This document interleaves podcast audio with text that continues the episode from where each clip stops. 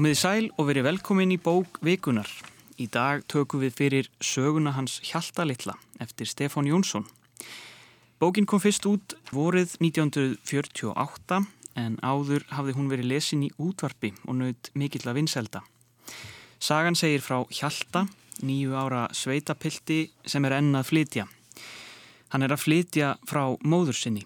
Móður söknuðurinn er sterkur þráður í sögunni en hún spyr líka hvaða merki að verða fullorðin og axla ábyrð. Sögusvið bókarinnar er Íslenska sveitin um miðja síðustu öld þegar að stór hluti þjóðarinnar bjó þar enn og hafði lifibröð af landbúnaði með gamla læginu og hugmyndir fólks tóku mið af vonum og draumum aldamóta kynsluðarinnar. Þótt mikil raunsægis blær sé yfir stíl bókarinnar eru lýsingar Stefáns Jónssonar á hugarheimi drengsins Hjalta afar einlegar. Hjalti er tilfinningaríkur strákur sem þarf sífelt að finna hugsunum sínum og tilfinningum farveg á meðan hann kynnist sjálfum sér í nýju og ókunnugu umkverfi. Stefán Jónsson var afkastamikill og virtur höfundur. Hann fættist á Háafelli í Kvítársíðu árið 1905 og lest vorið 1966. Stefán var þekktastur fyrir sögur sínar og vísur fyrir börn til að mynda vini Vorsins, söguna hans Hjaltalittla, Guttavísur og Aravísur. En auk barnabóka skrifaði hann tvær skáltsugur fyrir fullorna, sendi bref frá Sandströnd og vegurinn að Brunni. Þótt Stefán sé þekktastur fyrir sögur sínar og vísur sem hann samti fyrir börn er hann vissulega í hópi mikilhæfustu rittöfunda okkar á síðustu öld. Við verðum í íslensku sveitinni í bókvikunar að þessu sinni, það er sagan hans Hjaltalittla.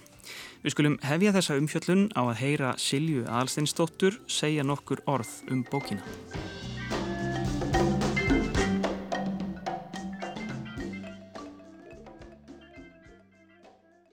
Sagan hans Hjalta litla og framhaldsbækunar Mamma skilur allt og Hjalti kemur heim uh, voru ekki bara vinsælar, þær voru mjög áhrifaríkar. Uh, maður sér merki Hjalta mjög víða í barnabókum næstu ára tíi. Uh, en sagan hans Hjalta litla er að sínuleiti kannski svo litið, litið sýstursaga fjallkirkjunar eftir Gunnar Gunnarsson. Eh, báðar eh, lýsa eh, heiminum eins og hann blasir við ungum drengjum eða ungum dreng. Og eh, báðir þessi drengir eru mjög viðkvæmir, báðir e, eiga þeir sárar lífsreynslu. Eh, og, og þó að saganars hjáltalitla hafi verið gríðarlega vinsæl barnabók hér áður fyrir þá kannski má segja að hún sé núna alveg eins og ég vil meira fyrir fullarið fólk. Hún, því hún er ekki, hún er ekki létt með því, hún gengur ekki hratt, uh, sagan er hæg og, og mikill undirströymur og allir atbörðir verða með miklum uh, skýringum og, og, og frásögnin er uh, auðug og og, og eh, rík af tilfinningum og, uh, og það vantar sem sagt allan þennan æsing sem að maður tengir við barnaefni nú til dags. Það var Silja Aðalstinsdóttir sem þarna talaði um söguna hans Hjalta Littla í viðtali við höllu Harðardóttur í Vísjá. En hjá mér í hljóðstofu eru góði gestir eins og venjulega til að ræða bók vikunar. Það eru þær Brynhildur Björstóttir og Helga Birgistóttir, áhuga konur um bókmyndir barna. Verið velkonar, báða tvær. Takk fyrir. Takk fyrir. Uh, ég held að sé ágætt áður með ræðin personur og leikandur í þessari bók að ræða kannski það sem að Silja sagði um að þessi bók er ekki síst fyrir fullófna. Helga, kannski þín viðbröð við þessum orðum. Já, ég held að að minnstakost í dag þá setja alveg rétt sem Silja segir að sagan höfði kannski frekar til fullorina heldur en nútíman batna sem eru vöna kannski meiri hraða, meiri spennu og þess aftur bara vöna hlutinir gerist hraðar en ég hugsa nú kannski að batnungir lestrarhestar lesi þetta því þeir lesa allt mm. en, hérna, en þetta er samt bók sem, er, sem fjallar um þema sem er alltaf fjallað um í batnabókum og líka batnabókum dagsins í dag og það er ekki síst óttin um aðskilnaði óttin um það að vera skilin eftir og vera einn og óttin um að fá ekki vera hjá þeim sem maður elskar. Og það eru bara mjög margar nýjar íslenska barnabækur sem fjalla um akkurat þetta eins og uh, heitir hún ekki Ósynilegur saga Ísmæl sem kom út núna fyrir síðustu jól, Verstu Ósynilegur mm. það er bara nákvæmlega sama þema. Og um þetta að, að vera hrættur um að fá ekki verið hjá þeim sem maður elskar fá ekki verið hjá þeim og svo þetta að hafa engin áhrif á heiminn að því maður er svo lítill og smár. Mm. Já og svo fannst mér nú líka bara byrjunin, enn erum við að flytja. Og uh, ég hugsaði bara strax uh, hvað mörg börn í heiminum geta tengt við þetta í dag. Bæði flóttabönn, eða bönn sem eru flóttaði mitt eins og Ísmail Já. en svo veit maður líka til þess bara í dag að, að, að hérna vegna ástandins og leikumarkaði þá eru mörg bönn sem geta sagt þetta líka. En þá enn erum við að flytja og ég í nýjan skóla og, og nýtt umhverju og þarf að kynast nýjum krökkum og allt þetta sko mm -hmm. þannig að þannig að því leitinu til ættu nú alveg að, að sko eru efnistökin ætti að geta hafa til en uh, ég, sem sagt, pappi minn er fætur 37 þannig að hann lesa þessa bók sem barn og ég var mm. aðeins að spurja hann að ganni bara um, aðeins út í bókinu og hann sagði og mér finnst það svo mér finnst það svo skemmtilegt, hann sagði eitthvað neginn sko þetta var fyrsta sagan sem ég las sem var úr mínum raunveruleika og þó að, já, einhvern veginn ég upplega á sögursviði væri hann að kannski kringum 30 frekar en þannig að er hún að skrifa kringum 50, þá hérna þá sagði hann, þú veist, þarna, hann er alveg upp í sveit það kom rammagn sko 55 eða eitthvað, ég maður ekki mm -hmm. og, og og þarna er, þú veist, þarna allt í hennu voru, voru krakkar og sagt, að gera það sem hann var að gera þú veist, sísla í kindum og hestum og, verið búleik og allt þetta sem að sem að hann hafði aldrei séð bara bók eða það hafði allir hafði séð bóku um áður sko. mm. þannig að hérna, fyrir þá kynslu var þessi bókur auðvitað algjör hlýtur að hafa verið óskaplega hérna óskaplega gott að fá loksins þessa speiklun á eitthvað sem að maður þekkti einhvern veginn svona vel og svo er hún alltaf alveg frábælega vel skrifu og ég heldur þetta alveg eins og Helga sagði að við hefum ekki vann með þetta heldur sko, ungar lestar hesta og, og krakka sem hafa gaman af góðum sögum og þetta er góð saga Já. En hún er þung og hún er hæg eins og við hefum búin að segja en, en það er eitthvað óbúslega stert íni og, og svona orðaforðinn og, og, og eins og bara stíl, stíl bókarinnar er mm -hmm. svona, hann er mjög vandaður þetta er ekki, þetta er klassik. Það er svona taktur í henni svona eitthvað sem grípur mann Já. og Hjalti gerir það auðvitað líka mm -hmm. þessar personur í sögum, það minnum alltaf svona svo litið að bregðna ljónshjärsta takturinn, einhvern veginn svona andrúnsloftið í bókinni. Vá, hvað þetta er góð líking vegna þess að, að mér fannst það einmitt líka vegna þess að það er verið að fjalla um svo ofbáslega harðan raunveruleika. Já. En svo verður þessi æfintýra samt þessi æfintýra ljómi yfir mm. eins og þegar hérna þú veist búið að búið að hamfletta fólaldi og setja hérna hána af því upp á, upp á vegg og allt í nörður orðið leikfang og þau eru bæði mm. komin inn í einhvern æfintýra heim hann og Helga og það er einhvern veginn mm. og það er svo sterkur staður að, fyrir þau til að kynnast og æ, þetta verður eitthvað svo sko, verður eitthvað svo magist úr þessum einhvern veginn svona harðneskilega raunveruleika ja. En Stefán líka vildi skrifa góðar bækur hann gaggrindi í ræð og reyti afþreyingabækur og, og lélegan skálskapur í börn og vildi skrifa bækur fyrir þau sem skiptu máli og mm. var auðvitað einn á sem kennurum í Östubæðaskólanum sem voru svo margir réttöfundar og unnu virkilega staðfastlega fyrir börn og fyrir barnamenningu. Mm. En það eru, náttúrulega, þetta er eh, bók sem að marga kynsluður hafa lesið og svona þeir sem að ég talaði við fyrir þennan þátt eh, áttu flest allir minningu af því að hafa verið annarkvort lesið hana eða verið pínd til að lesa hana eins og margir orðuðu það. Og eiga sum hver svona pínu traumatiseraða upplifun af þessari sögu því að margt í henni er bara, já, bara mjög alvarlegt. Og, og þannig að svona ég veldi fyrir mér í dag það er svona þið talið um hörðustu lestarhæstarni lesana en er, má, má segja að sé eitthvað svona smá róf kynsluða róf Ég finnst nú reyndar að hérna ein vinkunum mín sem að var lestarhæstu sjálf sko. Hún, seg, hún skilur bækur eftir. Svona, svona þú veist það letur að standa þess út úr hillinni sem hún vil að börnunum að lesi? Eða þú veist langar að, langar að þau lesi sko. Frekar hann að segja bara jæja hér er komið að söguna sjálta litla. Þannig að hérna ég held að það getur nú líka verið með þegar það er einhver að segja þér alveg stöðugt að þú eigir að lesa þetta eða þetta sé alveg frábært þá einhvern veginn uh, gerir ekki tenginguna bara því að því mm. ítt á fast að þér þegar þú ert krakki og að hvernig aldrei held ég sko Nú hefur hún ekki verið endurútgefin síðan 73 það svona, en það er alltaf talað um hann að segja um þessi, þessi mikla klassísk, klassík 20. aldar Mm. Mm. þá veldi maður fyrir sér svona hvað hafi breyst Kannski hann hafa bara pínlítið glemst. Það er náttúrulega kemur, kemur gjarnan fyrir barnabækur en eins og þessi bók á allt eins rétt á sér að vera endurútgefin eins og bækurna Guðruna frá Lundi. Fjall, ba, bara upp á það að það að fjallum svona fornan svona sveitaheim sem, sem margir eru búin að gleyma eða vissi ekki- vissu reynleika væri til. Já, ég held líka kannski á einhverju tímabili, þarna þegar til dæmis mögulega til dæmis Guðrun Helgadóttir er að byrja að skrifa og svona, þannig að hún skrifa sér basically um blokkina, Já. þá, þá kannski voru þessa bækur svona of gamaldags og, og, og tengdu ekki, en nú er þessi heimur sem, a, sem að við vorum náttúrulega svo mikið að reyna að afneita kannski í, í bókmyndum og öllu og, og þannig að, þú veist, 70, 80, 90 eða, þá nú er þessi heimur orðin svona meira eins og einhver æfintýra heimur Já, já, já. sem er orðin, eru ónumverulegur og, og, og maður það, ég þurfti alveg að þú veist, maður þarf alveg að minna sig á, já, en þetta var svona. Þetta er ekki einhver þengil sem er að taka hérna, Nei, sem er að taka, taka hann frá mömmu sinni, þetta er bara, þetta er bara yfirvöld, þú veist, þetta er bara hérna, borgarstjórinn sem er að því, eða skiljiði þú veist, þetta er bara, hérna hreppurinn og, og, og þetta, þetta er samfélagi samfélagið er svona. Þetta er ekki eitthvað bara Þetta voru líka svolítið merkileg tímar þegar hann var að skrifa bækurnar, hvað, 48, 50 og 51 sem það kom út, ef mann rétt.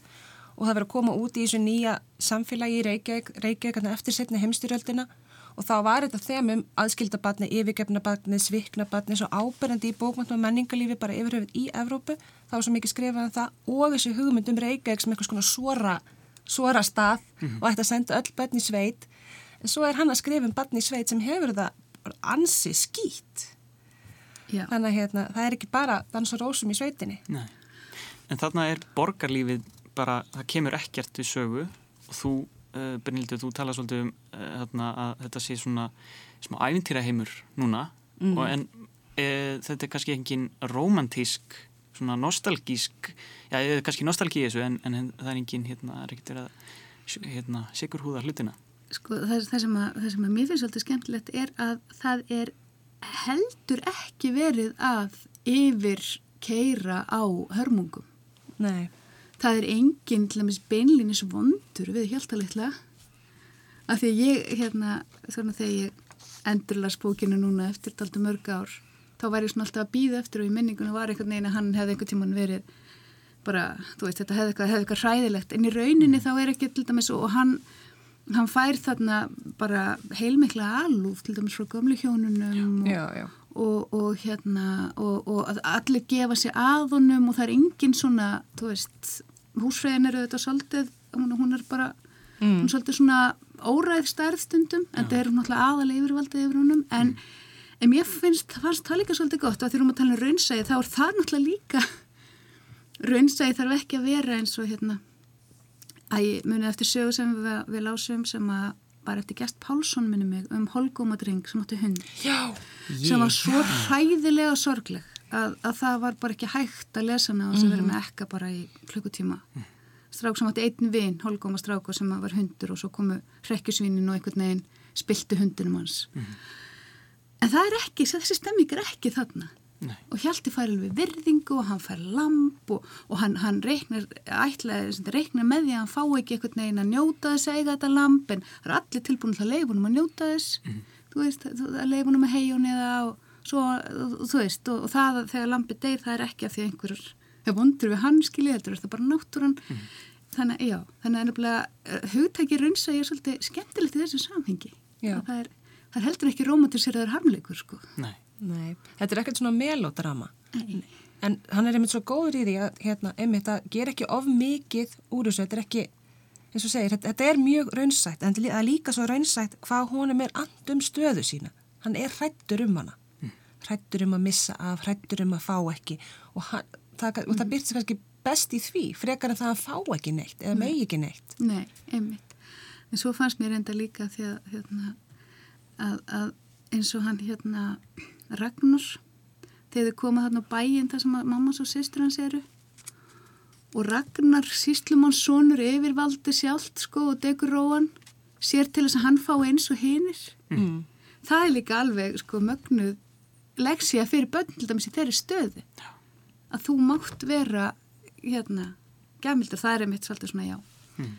Það er síslimann sonurinn, Já, Ragnar. já, mm. sem að kemur þarna svolítið inn eins og bara einhver svona einhver svona ofurdrengur.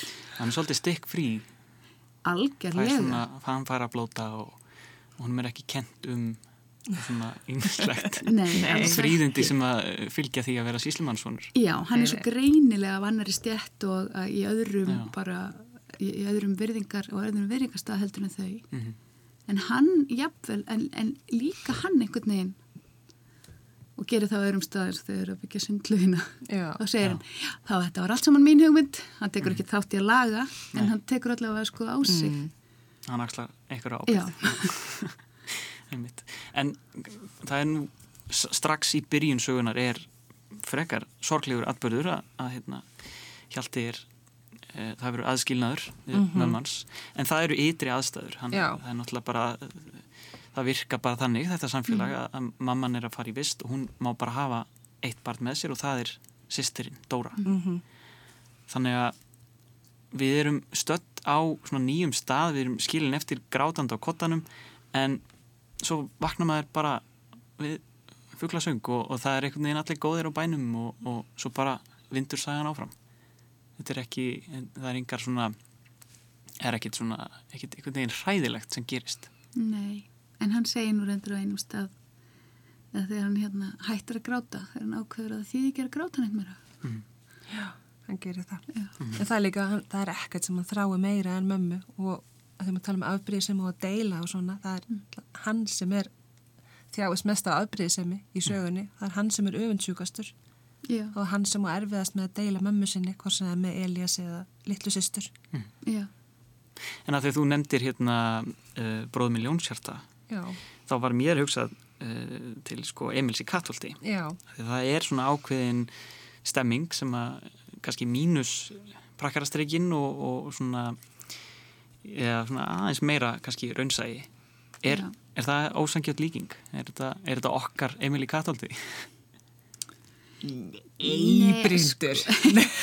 Nei, ég nefnilega, af því að ég, við vorum með þeir eru búin svolítið búin að vera, vera að svona, Ástöld Lindgren er svolítið búin að vera hérna með okkur.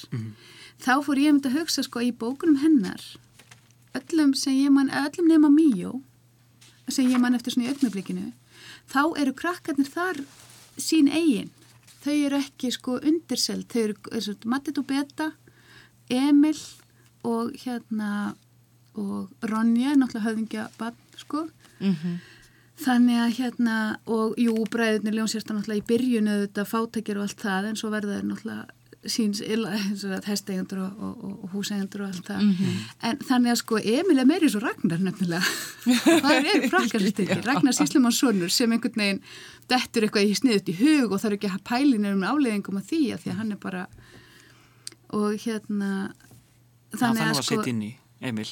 Já, þarf reglulega að gera já, það. hann þarf, hann þarf reglulega einmitt, já, að fela sig, sko, en, en það er, það er einmitt það, þú veist, að, að Hjalti er náttúrulega í svo rosalega, hann er, er svo undirskipaður. Mm. Það, það er hægt að, það, það er, og það er bara hefnið að hann lendur að góðum bæ. Og hefnið hann, og, og, og svo segja maður fer í heimsókn hérna með honum til mömmunar, hvað honum, hvað það hefði verið erfiðar að, sem sagt, fyrir handlæmislega einn á þeim bæ Já, þar sem fólkið var ekki svona ekki svona hlýtt til dæmis sko. En ef við ræðum svolítið eh, svona persónu sköpun Stefáns og hvað, já, fólkið á bænum mm. og við skulum heyra aðeins fyrst hvað Si- Silja Alsteinsdóttir hafði um persónu sköpun að segja. personu sköpun Stefáns uh, er afskaplega uh, fín þannig að, að alla, allt fólk verður margliða og, og sérstaklega uh, fannst mér núna að lesa hjaltabækunar aftur merkilegt að hitta Solveigu, húsmóðurina hans hjalta. Uh, hún er svo merkilega samsett kona. Hún er í rauninni mjög góð húsmóðir og góð móðir og góð við hjalta eða vill gætnan vera það en hún er líka uh, uh, afbríðisöm út í uh, eldri bróður uh, mannsins síns sem er orðin síslumadur í annari sveit og á þessa fínu konu eh, sem kemur í heimsókn með, með eh, síni þeirra hjóna sem heitir Ragnar og verður talsvært stór persona í lífi Hjalta og, og lífi bókarinnar. Hann er síslumannsónur og má allt og getur allt og, og má, má bölva og má vera óþekkur og, og hann er aldrei skammaður af því að Uh, og þar, þar kemur náttúrulega inn þessi, uh, þessi skýra stjættarvitund sem æfinlega er í bókunum af Stefáns. Hann, hann uh, lýsir heiminum frá og, og, og fólkinu sínu frá sálfræðilegu sjónarmiði. Hann, hann hefur greinilega kynst sínum frönd en hann er líka, hann hefur líka kynst Mars og Þannig að hann er, hann er bæði með sálfræðina og, og marxismann. Um, þetta kannski virðist nú vera uh, orðið eitthvað allt annað heldur en barnabók en hann er líka svo fyndin og hann er svo, hann hefur svo djúpan mannskilning sem, sem er eiginlega engum höfundi líkur. Þarna var Silja komin ansið djúpt í tólkun á sögurnans hjáltalilla. Um, þetta er, þetta er ósað personu drefin bók. Hún byggir aðalega á samtölum og eins og hún kemur inn á það eru rosalega levandi og svona djúpar personur í þessari sögu. Mm -hmm. Það eru í rauninni, það er ekkit svona sem að gerist annað en bara verkin hérna, sem þarf að sinna, verkin á bænum sem þarf að sinna. Mm -hmm. Þannig að það er engin svona framvinda, það er dýnamíkin á mitti personuna sem að skipta langt mestu máli, eða ekki? Jú, og, og þroski hjálta litla, þetta er hans þroskasaga. Já, og svo er náttúrulega alltaf að segja svo Palli sem að Palli vinnumadur Já. sem að deilir hérna herbyggja eða deilir hérna kvisti eða hvað hann var með, með hjálta og, og er nokkus konar bara svolítið eins og sem við þekkjumstundur náttúrulega frá lagsnes líka þú veist, að hann er svona ákveðin málpípa mm -hmm. viðhorfa sko hann talar reglulega um hvað þú veist bændur eru vondir við verka fólk og, mm -hmm. og hérna og, ætlar á sjá og ætlar söður og ætlar úr þessum þrældómi og enginn kann að meta hann og hans framlega og svo framvegis mm. og er bara finnst mér bara mjög sterkur og svo er þess vegna er svo indislegt ef mig þegar hann síðan sko fær þarna tækifæri sem að er eiginlega samt skilur valla sko hvernig hann fær mm. til að breyta stöðu sinni svona mikið mm og hvað hljóðið í honum breytist um leið að um leið og hann sér fram og hann getur mögulega orðið einna þessum bændum þá varir allt í hennu vinnufólki sumt hvert vara samt og, og latt og, og hérna og þetta er mjög hérna og mér finnst Stefán sín okkur þessa breytingu og ég hugsa meira að segja að maður sem bann hefði, að þú veist, bann fatta það alveg líka sko, mm. af hverju Palli skiptir hann að skyndilegum skoðun á því mm. á því hérna á svona uppbyggingu þjóðfélag, samfélagsins þannig mm og Hjalti lítur mjög upp til hans. Þeir eigða miklum, miklum tíma saman. Já. þannig að hann er kannski að einhver leita að speikla sig í Palla. Já. hann svona sér sjálfan sig í framtíðinni sem hann og svo trúlofast hann Siggu sem að Hjalti er svona, hann er skotin í, hún er, hún er 19 ára sko. þannig að hann er, hann er farin að hugsa til framtíðarinnar. Mikið, eins og segir í byrjun bókarinnar mm -hmm. sko, hérna, ég er á leðinni til framtíðar og riðindóttum hesti. Þannig að sem er bara svo flott setning og flott mynd. Já, akkurat. Það er alltaf öll sagan auðvitað sögð frá hans sjónarhóli og mér finnst það með svo flott hvernig, hvernig höndurinn tekst einhvern veginn að samin að bæða aðalpersonun og sögumann í hjáltalitla og hann heldur einhvern veginn þess að hann tekst rosa vel að halda þessari síu, þessari baslegu síu áveðurundinni samt sín okkur eins og inn í personuna hjá, hjá vinnumanninum og hvernig hann breytist og, og svona. Mm -hmm. mér finnst það ganga, ganga alveg ofsalega vel upp og ég held, held að þetta sé mikill vandi Já. að gera þetta vel. Svo einmitt og svo líka svo fyndi hvernig hann eins og hérna þegar hann, þegar hann fer yfir á hinn bæin, mm. þetta er tvíbíli sem hann er á satt, og hann fer yfir á hinn bæin þess, og það er ekki, ekki lít á milli með langt frá því mm. Það er vestubærin Já, fer yfir í vestubæin og, og það er húsfræjan og hún er alltaf að spurja og svo segir hún Nei, nei, ég verði ekki að segja frá því Bönn, það er ekki gott þegar bönn er að tala en, en hvað segir þú? Hvað er að frétta, en verðt ekki að segja frá þetta er svo, hérna, þetta er svo skemmtilega þetta er svo skemmtilega gert, ég veldist um hann látri ég lasi þetta núna. Já, það er, og líka eins og Silja kemur inn á, það er mikill húmor mm -hmm. í þessari mhm. bók og það eru, það eru kostuleg samtöl og kostuleg personur og ég hló upp átt mikið af honum Helga. Já. og ég held að það sé alveg svona stór stærð í, í þessari sögu. Mm -hmm. Helgi og Guðrún líka. Mm -hmm. mjög ólíkar personur og, hérna, og þetta með að láta hann sko hérna, skafa tópakið og þú veist, er, hann, hann er strax látin í skýta hérna djópin sko. Já, já, já. og svo fer hann bara næturvaktir sko, hérna í, í hérna að vakta túnin Já. þannig að þetta er erfiðis vinna hann er ekkert, hann er ekkert komin á í neina paradís Nei. Nei, en svo finnst mér nú líka aðtilsvert af því að sko af því hann, hans þjóðfélagstaða eru þetta þetta, hann er repsómægi og neðursetningur, eða þú veist mm. allavega móður hans getur ekki séð fyrir hann og þó hann, það, hann sé á lifandi og allt það en þá eru náttúrulega krakkarnir á bæjunum að gangi sömu störf mm. og það er, þú veist, hann segir við tökum hann og Helga taka viku og viku ég manni hvort það var í flórnum eða, eða sækja í kindurnar eða eitthvað sko mm. þannig, og, og hann er á þessum næturvöktum með strákunum og hinum bænum stundum og þegar þeir fara bara hestbakk og eitthvað að leika sér. En munurinn er auðvitað sá að, að krakkarnir, hvað, hvernig maður orðið þetta frjálsbornu krakkarnir krakkarnir sem er ekki á hreppnum og er ekki borgað með, þau geta sett bara æg, mér langaði bara hestbakk en hann getur það náttúrulega ekki. Hann er, hann er og er skammaður fyrir það. Já, einmitt, mm. og er, er alveg ofurseldu þannig að það fer aldrei á meitli mála en hann er ekki dýninum sko, hann er ekki verið neitt mikið meiri erfiðisvinni heldur en þau. En hann, uh, þetta er líka svolítið, sko, það komið svolítið inn á karlmennsku og mm. svona það að verða fullorðinn og, og hann talar um sig á einhvern stað sem nýju ára karlmaður já, já. Og, og hann, en hann er rosalega mjúkur, hann er rosalega tilfinninganæmur og hann hefur rosalega svona, kannski svona óvenju mikla stjórn á tilfinningu sínum, hann, hann hann bara grætur og, og hann veit alltaf hvað er um að vera í kringu sig. Þannig að er, er hann eitthvað svona svona eitthvað svona eitthvað smá niðurblót á, á kallmennsku ímyndinni? Já, hann segist þetta kallmar ég, svona, svona, svona sem efast um hann sé sé óðurlu kallmar svona nýja ára.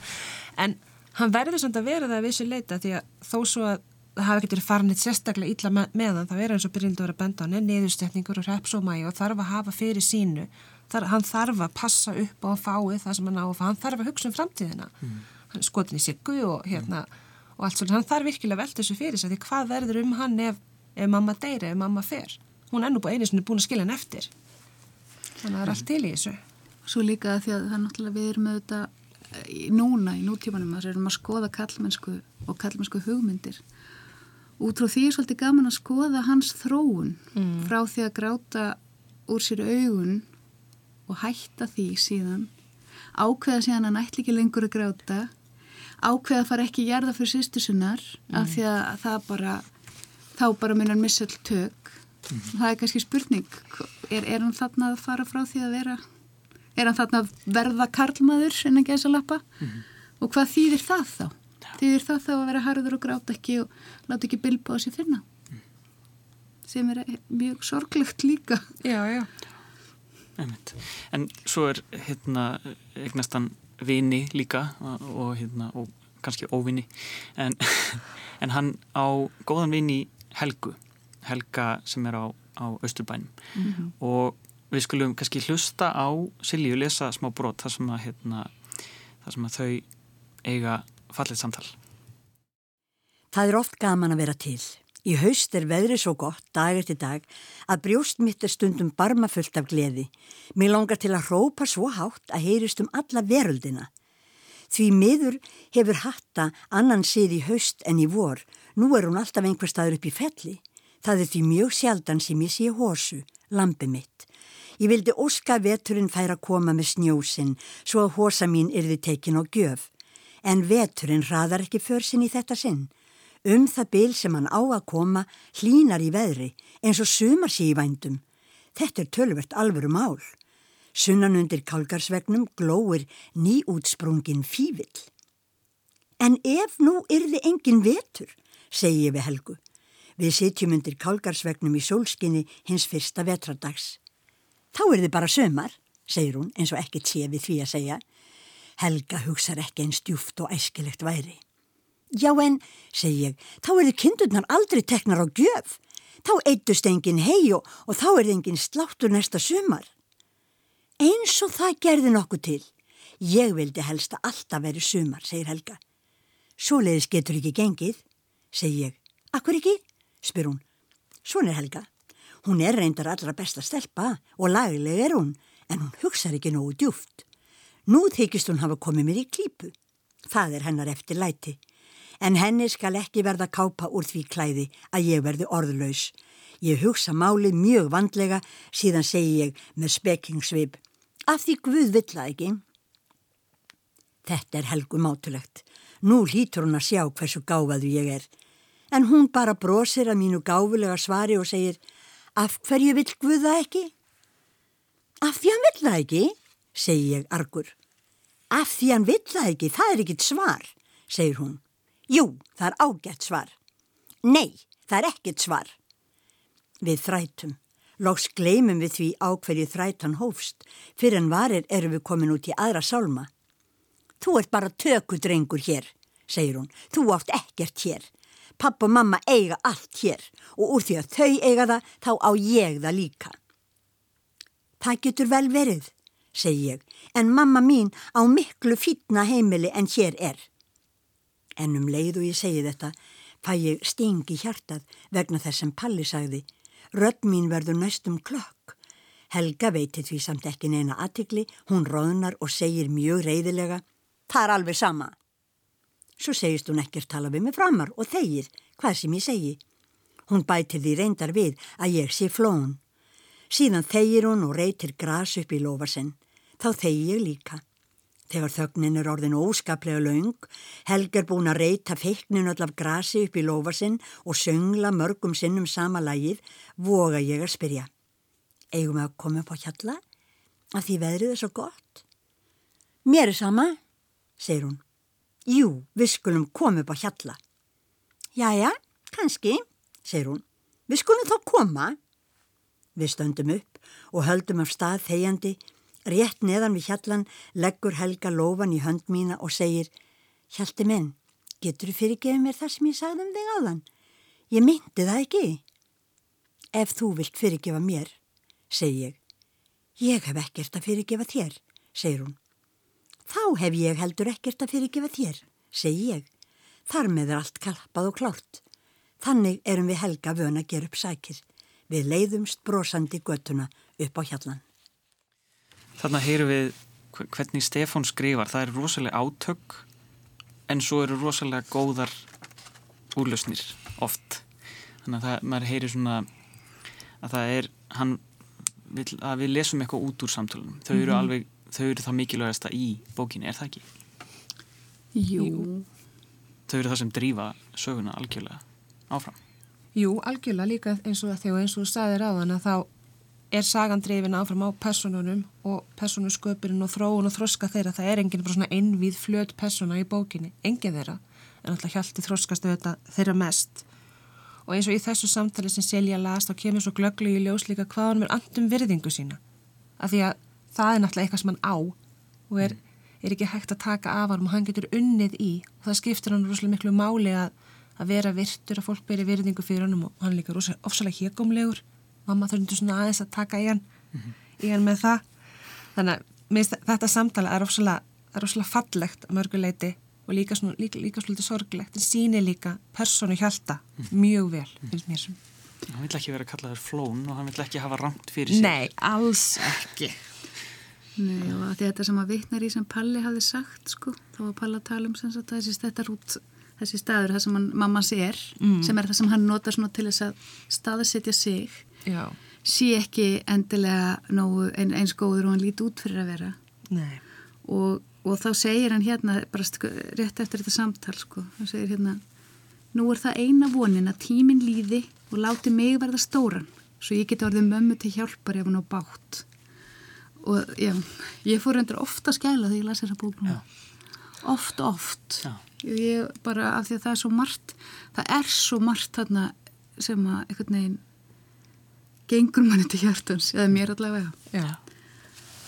það er mjög margt kröft út í þessari bók og, og hún, er, hún tekur á stórum og alveglegum málum en, en með þessu þessari namni barnsins þetta er, þetta er frá sjónarhótti barns og það eru aðal, aðal personar eru börn þannig að við erum með eins konar bara sjálfstætt fólk nema bara Já, handa börnum. nákvæmlega, það var ég nefnilega að hugsaði það oft. Já. Ég hugsaði það oft af því að stafsagt fólk, fólk er eina er mín uppáhalds lagsnarsbók, allar eiga sína og hérna, og já, ég hugsaði það oft þegar ég var að lesa hana núna aftur, þá bara, já, þarna, einhvern veginn. En svona ef við tökum upp gleru nútímans og við erum rittstjórar að að taka á móti þessari bók, hvernig, hvernig getum við lesið hann í dag? Hvernig haldið að börn í dag lesi svona langa og þunga bók um sveitalífið í byrjun 20. aldar? Já, ég held að stálpuð börn gerir það. Börn sem lesa, þau lesa þessa bók og, og svona börn sem eru vöna að lesa. Þetta er ekki, þetta er ekki bók sem maður lætur kannski nýjar og strák fá bara til að lesa nýjar og strák sem er vanur að lesa sirpu og, og, og tinna og kaftinu ofubrók sem eru bara fínustu bækur en, en af allt, allt öðrum toga. Og ef, ég hugsa, ef bækundin eru endurútgefnar þá er það kannski gert að svipuðu nótum og, og, og þýðingarnar á önnu í grænuhlýð nýju sem hafa verið að koma út núna. Og verið þá svona gefnar út svona bæði fyrir úlinga og fullorið fólk. Já, en, en veltum nú fyrir okkur. Já, Veltum nú fyrir okkur sögum um munaðlösa drengi sem eru færður á nýjan stað, þar sem þeir eignast vini Já, já, og já. þurfa að kljást við alls konar nýja hluti. Eru þær vinsalari samtímanum? Leðu mér að hugsa. Harry Potter kannski. Já. Ég held að, að Þurfum ekki bara svolítið að dusta ríkja þessari bók? ég og- held það. Ég held við þurfum að dusta rík og kannski markasetja hann upp og nýtt. Já. Kannski markasetja hann undir þessum formerkjum að, að því að, að því að hérna ég bara, ég, ég er, er endur var svolítið fyndið, þegar ég var endurlesa þessa þá var ég endurlesa Harry Potter sjöndu bókin einhvern veginn samhliða, því ég er eins og fleiri með alltaf margar bækur í gangi. Já, já. og hérna og þar gerist auðvitað ímislegt æfintýralegt og, og, og, og framandi og spennandi.